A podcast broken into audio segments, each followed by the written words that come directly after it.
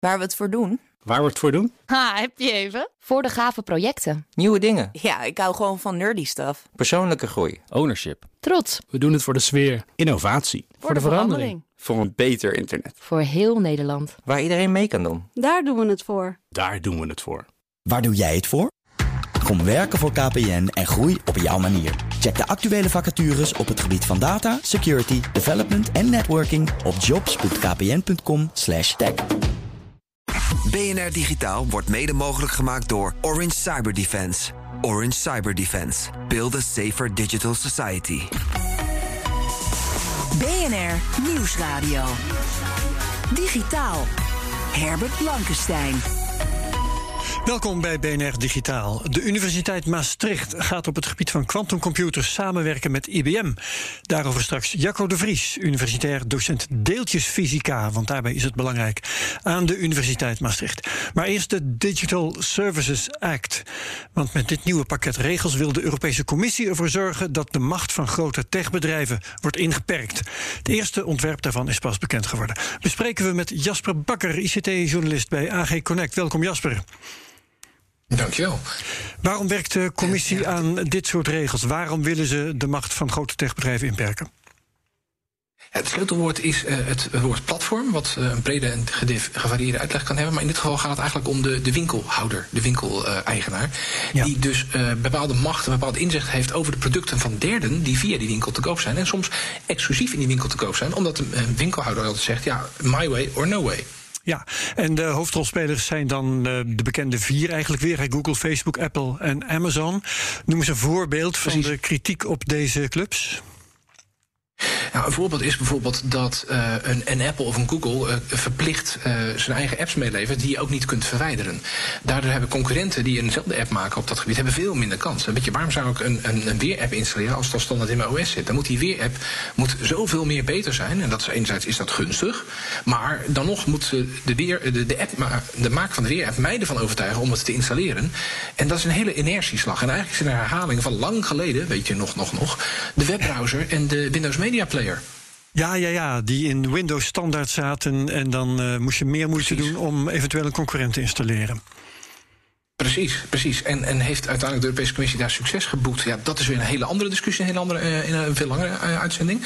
Uh, maar Microsoft heeft toen een Windows moeten uitbrengen zonder mediaspeler en zonder Internet Explorer. Alleen Ja. geen hond wou dat. Ik maar zeggen. het was er wel. En En dat, Goed, het, is, het is nu niet alleen maar om het meeleveren. Het gaat nu ook om de regels die de winkel stelt.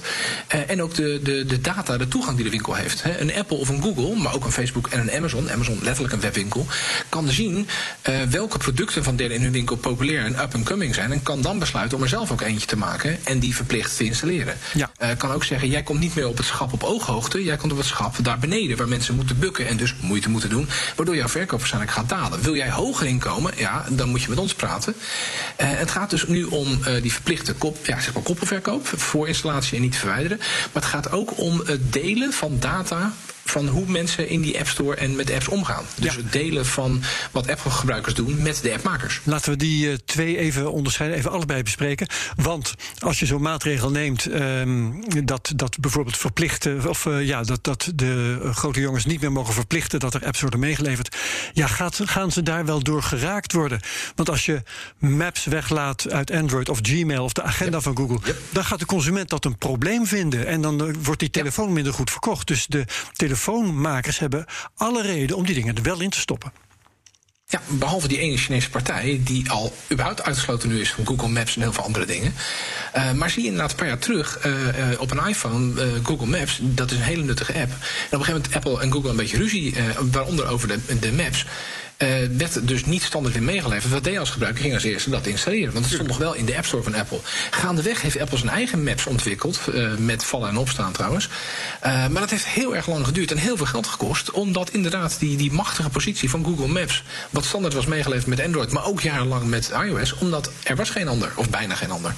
Ja, maar goed, wat schieten de, de concurrenten van Google, Apple en noem maar op er dan mee op als dit soort apps worden um, weggelaten bij nieuwe toestellen? Ja, in theorie schiet ze ermee op dat zij nu meer kans maken, dat het speelveld wat meer gelijk is. In de praktijk is het speelveld al dermate scheef getrokken dat ja, het is nog steeds een enorme inhaalslag. En daar komt denk ik, uh, dat heb ik ook gezien met Windows, uh, de, de, Windows N-editie, zonder Media Player en zonder Index Oh, ja. ja, dat wou geen hond. Ja, precies. Uh, en ik denk dat daar het tweede deel komt van die aandacht die de Europese Commissie heeft in de Digital Services Act. Dat het gaat om het delen van data. Uh, de, de, hoe mensen apps gebruiken en welke apps up and coming zijn. En daar is in het verleden, en dan komen we even op Facebook, al eens misbruik van gemaakt. Facebook had een handige VPN-app. Uh, en via die VPN-app kon Facebook ook zien welke andere apps mensen zoal gebruikten op hun smartphones. En daar kon Facebook dus mee zien van hé, hey, zo'n app om leuke dansjes te doen of zo'n app om met leuke fotofilters te spelen, die wordt heel veel gebruikt, steeds meer gebruikt. Oeh, dat is populair, dat moeten we ook maar eens doen. Of moeten we hem overnemen. Ja, en dan wil de Europese Commissie dus uh, techbedrijven dwingen om dat soort data te delen met hun, uh, met hun concurrenten. Met bijvoorbeeld de leveranciers van, van zo'n app zelf, dat hij in elk geval dat zelf ook kan zien. En ja. wat gaat dat verbeteren aan de situatie dan? Nou, het kan dus verbeteren dat de derde partijen er ook meer inzicht hebben in wat er, uh, nou ja, plat gezegd, wat er in is, wat er veel gebruikt wordt, of wat minder goed gebruikt wordt. Ja. Het probleem is natuurlijk, je hebt een winkeluitbater die net zoals bij de supermarkt ook zijn huismerk heeft. Um, en in het geval van van, van, de, apps kan een huismerk veel bekender en krachtiger zijn. In de supermarkt heb je uh, een cola van je, van je huismerk. Of het bekende merk wat iedereen wel vindt. En die zijn, markt en zijn reclame en zijn positie dus wel goed op orde heeft. Uh, in de techwereld is het eigenlijk een beetje andersom. Huismerken van de winkeluitbaten zijn vaak veel meer gebruikt en bekender en, en vertrouwd ook dan de concurrentie. Dus de concurrentie komt erbij niet. En dan krijg je een kip-en-ei probleem. Er is geen concurrentie, want die maakt weinig kans. Ze maken weinig kans, want ze zijn er niet. Ja, um, en er is ook nog iets rond um, betaalmethoden. Uh, er worden tegenwoordig. Uh, Apple is dan een, uh, een van de, de bad guys. verplicht um, leveranciers van apps om de Apple Pay te gebruiken. En geen ja. andere. En dat is een, de, de wortel van het conflict tussen uh, gameuitgever Epic en Apple. Epic is van Fortnite. En Epic wilde eigenlijk zijn eigen betaalmethode, betaalmethode ook in zijn app stoppen. Maar dat mocht dan weer niet van Apple. Toen werden ze uit de App Store geknikkerd enzovoort. Dus ja, wat gaat er gebeuren als de Europese Commissie dit probeert te veranderen? Nou, dan zou het eens kunnen zijn dat je. Op iOS, overigens ook op Android, want Epic lag ook over op met Google. Ik denk dat het dan lastig kan worden. Uh, enerzijds interessant dat we in Europa meerdere betaalmethodes krijgen. Anderzijds kan ook weer chaos en verwarring opleveren. Dus wat doen consumenten dan? Gaan ze dan voor het vertrouwde of geven ze het op? Hmm. Ja, dat is, dat is dus een open vraag. Maar goed, het, is, het kan mooi zijn als je zo'n open vraag ook inderdaad beantwoord krijgt. Per saldo, denk je dat met dit soort regels de positie van de consument ook inderdaad erop vooruit gaat? Op de langere termijn denk ik wel. Daar ben ik een beetje optimistisch in. Op de kortere termijn zal je ja, misschien gekke dingen krijgen als een N-editie waar niemand op zit te wachten. Of een, een veelvoud aan betaalmethodes. En uh, dan ook weer ergernis van ja, wil ik iets kopen bij Epic, ja. dan heb ik de Fortnite. Dat werd steeds bij Windows ook steeds gevraagd. Hè? Die anti-monopoliemaatregelen, uh, eerst van Amerika en later van de Europese Commissie. Uh, wat schiet de consument er eigenlijk mee op? Die krijgt alleen maar moeilijke versies van Windows. Maar jij zegt dus, de consument moet even door die zure appel heen bijten en op termijn wordt hij daar beter van. Ik denk het wel. Op termijn kun je dan uh, een, Spotify, dat is een Europese muziekstreamingdienst. Een Spotify had veel meer een kans gemaakt als toen de tijd die mediaplayers steeds meer ingebakken waren gebleven. En dus de, de, de, winkeleigenaar, in dit geval dus Microsoft, had kunnen zeggen tegen een muziekuitgeverij: joh, je moet bij mij zijn voor een uh, streamingdienst, want ik heb toch al die players, ik heb, ik heb die klantjes toch al. Ja, uh, dan kunnen we de Verenigde Staten er nog eventjes bij halen. Want uh, een commissie in het Huis van Afgevaardigden komt met een rapport. waaruit blijkt dat ze nou uh, in elk geval bespreekbaar willen maken. dat die grote bedrijven worden opgebroken, worden gesplitst. Um, het is te vergelijken met de situatie dat ProRail een, ook een, zelf een railvervoerbedrijf zou bezitten. Hè. ze hebben, ja. bezitten stuk voor stuk en het platform. en ook diensten op dat platform. waar ze dan concurreren met andere partijen die dat platform nou eenmaal niet bezitten. Kortom, ja. um, kan dat misschien een betere optie zijn? Dat uh, kom ik ook wel tegen, die mening op internet. Jongens, uh, als je nou gewoon voorkomt dat die dubbelrol ontstaat, dan hoef je al die maatregelen niet te nemen waar wij het nu over hebben gehad in dit gesprek, Jasper. Ja, uh, het probleem is van waar ga je dan die split leggen? Ga je de split leggen tussen uh, nou, ads en search, zoals bij Google? Maar ja, hoe wordt search betaald? Met inkomsten uit ads. Uh, en die hele data-analyse ja. daarachter. Ga je dan YouTube, het videoplatform splitsen van Google, de zoekmachine? Uh, ga je Facebook splitsen van Instagram en WhatsApp, wat oorspronkelijk ook overnames waren? Um, maar ja, elk van die partijen heeft in potentie ook weer de mogelijkheid om net zo groot te worden als Facebook voordat het Instagram kocht en WhatsApp kocht en daarmee nog groter werd. Dus waar leg je die split? Dat wordt cruciaal. Ja, en ze gaan ook allemaal stuk voor stuk tegenspartelen, denk ik. Hè? Niet alleen tegen dat opsplitsen, ja. maar ook tegen uh, dat hele pakket aan maatregelen van de Europese Commissie. Ja, en dat gaat jaren duren. Dat we het er ook zien hebben bij Microsoft. Uh, en of je daar echt helemaal uitkomt, is de vraag. In de tussentijd heb je natuurlijk wel dat zo'n partij wordt afgeleid en misschien ook wat wordt afgeremd, omdat ze verwikkeld zijn in zo'n zaak. Dus het kan tussentijds ook al wel een gedragsverandering veroorzaken, waar we dan hopelijk uiteindelijk ook weer beter van worden. Maar het blijft een kwestie van de lange adem en uh, ja, afwachten. Ja. Zullen we over vijf jaar nog een keer dit gesprek doen? Ja, dat moeten we zeker doen. Maar ik ben op dit moment nog niet helemaal klaar. Uh, want we hebben oh, het over een wereldwijd internet. multi multinationals ook. Hè. Uh, als Europa nu met allerlei, allerlei maatregelen komt en de Verenigde Staten met andere maatregelen, dan krijgen we een heel gedoe. Kunnen ze niet gezamenlijk ja. optreden? Hè? Splitsen kan Europa, Europa sowieso niet doen. Nee, ja, het is, uh, nou of, of Europa kan zeggen, om, om te opereren in de Europese markt moet je vo, vo, voldoen aan die en die voorwaarden. En wat dan effectief zou kunnen neerkomen op een, oh, dan moeten we die tak maar uh, in een aparte BV onderbrengen. Maar het dreigt inderdaad een beetje een balkanisering van internet. Wat je nu in de VS ook ziet met TikTok. Hè. TikTok, het Chinese bedrijf, die moet maar een, een afsplitsing maken voor een gedeelte van de westerse wereld. Ja, um, het is lastig, maar Europa en de VS er samen uitkomen. Europa en de VS verschillen behoorlijk ook op juist datagebied en privacy van data. Zeg dat wel. Dus, ja, ik denk dat dat ook weer, ook weer een jaarlang kwestie gaat worden om daar samen uit te kunnen gaan komen. Ja, nou goed, dan uh, laten we Europa en de Verenigde Staten lekker hun eigen plan trekken. Wij kijken gewoon met een zak popcorn op onze schoot naar wat er allemaal gaat gebeuren. En over vijf jaar, ik denk eigenlijk nog wel iets eerder, dan spreken we, we elkaar weer. Jasper Bakker, dankjewel. Digitaal. Gaan verder met de ontwikkelingen in quantumcomputers, want die gaan snel. Chipmaker D-Wave bijvoorbeeld heeft een quantumchip aangekondigd met 5000 qubits. Wat het is, hebben we het straks over. Het is een maat voor de kracht. De vorige versie deed het met 2000 in plaats van 5000. En de Universiteit Maastricht is als eerste Nederlandse universiteit toegetreden tot het IBM Q-network. Een groot samenwerkingsverband waarin allerlei partijen werken aan de ontwikkeling en toepassingen voor quantumcomputers. Jacco de Vries is mijn gast. Je bent universitair docent deeltjesfysica aan de Universiteit Maastricht. En ook betrokken bij de deeltjesversneller van CERN. Welkom in BNR Digitaal. Dankjewel. Het is hartstikke fijn om hier te zijn. Virtueel. Dat vind ik ook. Ja, virtueel. Dat is dan eigenlijk wel weer jammer, maar we doen het ermee. Um, wat is het verband tussen jouw vak, deeltjesfysica, en dit project met IBM? Um, nou, het verband is dat wij met hele grote hoeveelheden data te maken hebben. En um, dat, dat bereikt een beetje zijn limieten met wat computers eigenlijk aankunnen. Dus we kunnen er eigenlijk niet onderuit om alternatieve uh, nieuwe technieken om die data-analyse voor elkaar te krijgen, uh, te onderzoeken. En quantum computers zijn een uh, theoretisch veelbelovend alternatief op wat we op dit moment doen. Ja, maar je zegt dus eigenlijk, je loopt echt aan tegen grenzen, waardoor het niet meer helpt om er nog meer computers bij te stoppen voor meer rekenkracht. Je hebt echt een ander type computer nodig. Ja, precies. Ja. Dus de, de, de datastromen die, waar we mee omgaan, dat is, dat is zo immens. En uh, we rennen dat op dit moment maar net met vrij innovatieve technieken. Met bijvoorbeeld grafische kaarten en dergelijke, waar we volgend jaar mee aan de slag gaan. Uh, maar over een jaar of tien, dan willen we een, ver, een vertienvoudiging van de hoeveelheid data hebben. En ja, dat gaat gewoon niet zo hard met gewone computers. Nee, nee oké. Um, en dat zeg je nu over deeltjesfysica, maar hetzelfde probleem speelt op het gebied van de zwaartekrachtgolven, begrijp ik toch? Ja, dat is helemaal waar. Ja. ja. Oké, okay, nou dan uh, is er dus genoeg te doen voor die quantumcomputers. Jullie gaan onderzoek doen. Dat is wat jullie taak is in dat geheel naar algoritmes. Mag ik zeggen dat is uh, software die geschikt is voor quantumcomputers?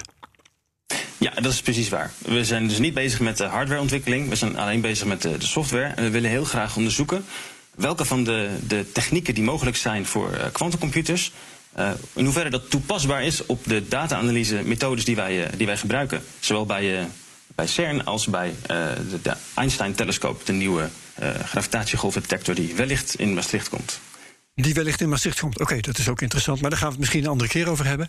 Um, moet die software voor quantumcomputers nu helemaal van de grond af aan worden opgebouwd? Hoe, hoe ver is men daar eigenlijk al mee? Ja, dit is heel erg uh, hot onderzoek op dit moment. Er zijn uh, steeds meer mensen echt mee bezig. Maar het is echt in de kinderschoenen. Dus er zijn een paar algoritmes die al bewezen zijn dat die echt exponentieel sneller berekeningen uit kunnen voeren dan klassieke computers. Maar dan gaat het echt over ja, hele, hele elementaire berekeningen. Dus je kan geen, niet, PowerPoint draaien op je quantumcomputer, zeg maar. Uh, dus het is echt kijken welke fundamentele kleine stapjes uh, van toepassing zouden kunnen ja, zijn. Er is nog ja. geen besturingssysteem voor als Windows uh, waar je even software voor koopt. Nee, absoluut niet. Nee. Maar het is wel een wonderlijke situatie, hè? want jij bent dan deeltjesfysicus. En om jouw vak behoorlijk te kunnen doen, moet je, ik weet niet of je persoonlijk zit coderen, maar moet je eigenlijk dus die software gaan lopen ontwikkelen. Ja, dat is wel een beetje het idee inderdaad. En uh, dat is nu natuurlijk dubbel interessant. Eén vanwege de toepassing en de ander omdat we als natuurkundige intrinsiek gewoon geïnteresseerd zijn in die technologie. Dus het is hartstikke prachtig om, uh, om daarmee aan de slag te mogen gaan. Ah ja, dus het is niet uh, een last, maar het is eigenlijk juist leuk. Omdat het kwantum is natuurlijk ook fysica. Dus omdat het kwantumcomputers zijn, denk je van hé, hey, leuk, dat doen we er gewoon bij. Ja, dat is, is helemaal waar. Het is, het is dubbel leuk voor ons. En in het vak kwantummechanica dat ik geef, leg ik ook dagelijks uit hoe mooi dat allemaal is. En dus het is echt heel inspirerend. Ja. En er komen dan weer studenten op af en dat soort dingen. Ja, natuurlijk. Dat trekt ontzettend aan. Dat is helemaal hot. Ja, ja. en um, ja, de, de, software die je nu moet maken. Ik weet niet of je dat in uh, lekentaal kunt duidelijk maken. Maar hoe anders is die dan de software die we kennen uh, van de spullen die wij op Windows gebruiken? Is het nu echt een heel nieuw vak, nieuwe talen die jullie moeten ontwikkelen? Jazeker, ja. Dus het is echt. Um, het volgt niet de klassieke wetten van de natuur, het volgt de kwantumwetten van de natuur. En daar zijn een aantal rare dingen aan de hand.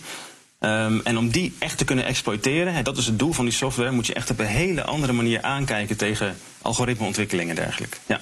ja um, ga je dankzij die quantumcomputer ook inderdaad. Ja, dat is moeilijk te voorspellen, dat snap ik ook wel hoor. Maar ontdekkingen doen die anders niet mogelijk zouden zijn?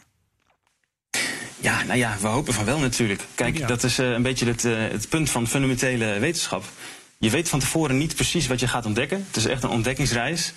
Um, maar ja, wie weet is het wel heel veelbelovend. En misschien is het, uh, is het niet zo veelbelovend en leren we daar alleen wat van. Maar dat dachten we 100 jaar geleden natuurlijk ook. Uh, over elektronen die toen net ontdekt werden. En tegenwoordig uh, gebruiken we die natuurlijk heel veel met elektriciteit. En, en dergelijke. Dus ja, je, ja. je kan niet goed voorspellen wat het allemaal teweeg gaat brengen. Maar wat natuurlijk een droom is, is dat in de, de ontwikkeling van die kwantumalgoritmes voor onze toepassing. dat daar wellicht een, een andere toepassing ook voor gevonden kan worden, wat dan ja, revolutionair zou kunnen zijn. Ja, ja, ja. Ik ga heel eventjes um, uh, mijn blik verleggen naar Jasper Bakker, die hopelijk nog uh, luistert. Um, je werkt bij AG Connect, Jasper. Uh, dat is een, een, een, medium voor de zakelijke ICT. Maar in hoeverre volgen jullie deze ontwikkelingen met argusogen? Nou, we volgen het met, met argusogen, maar ook met, uh, met een beetje afstand. Een groot deel van kwantumcomputer is nu inderdaad nog aan de wetenschap. Het is, het is grensverleggend werk, zowel wat betreft de toepassingen als het, de inzet en het programmeren voor kwantumcomputers. Uh, en wij, wij richten ons op de IT'er in Nederland, die ja, nu voor nu nog heel ver is van kwantumcomputers. Aan de andere kant, uh, heel veel autobezitters hebben ook interesse in Formule 1. Dat is ook heel ver weg. Dus zoals we ja, dippen onze tenen in het water, we houden ontwikkelingen in de gaten. maar we zijn vooral benieuwd naar die, die praktische kant. En waar blijft dat, zeg ik even ongeduldig. Maar dit is een proces van jaren. Maar dan gaat het inderdaad voor fundamentele veranderingen zorgen. Ja, dus uh, jullie wachten wat dat betreft op uh, tot er wel een Windows of een PowerPoint voor de quantumcomputer is. Dan wordt het voor jullie interessant.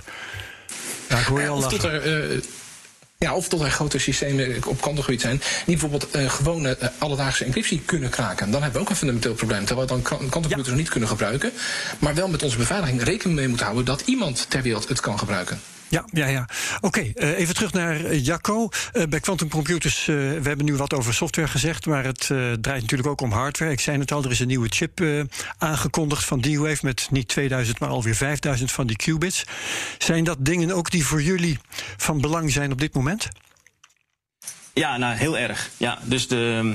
De, de, toepassingsgrootte van, van, van je software hangt heel erg af van de hoeveelheid qubits die je tot je beschikking hebt. Dat zijn die elementaire uh, rekenunits van een, uh, van een quantumcomputer.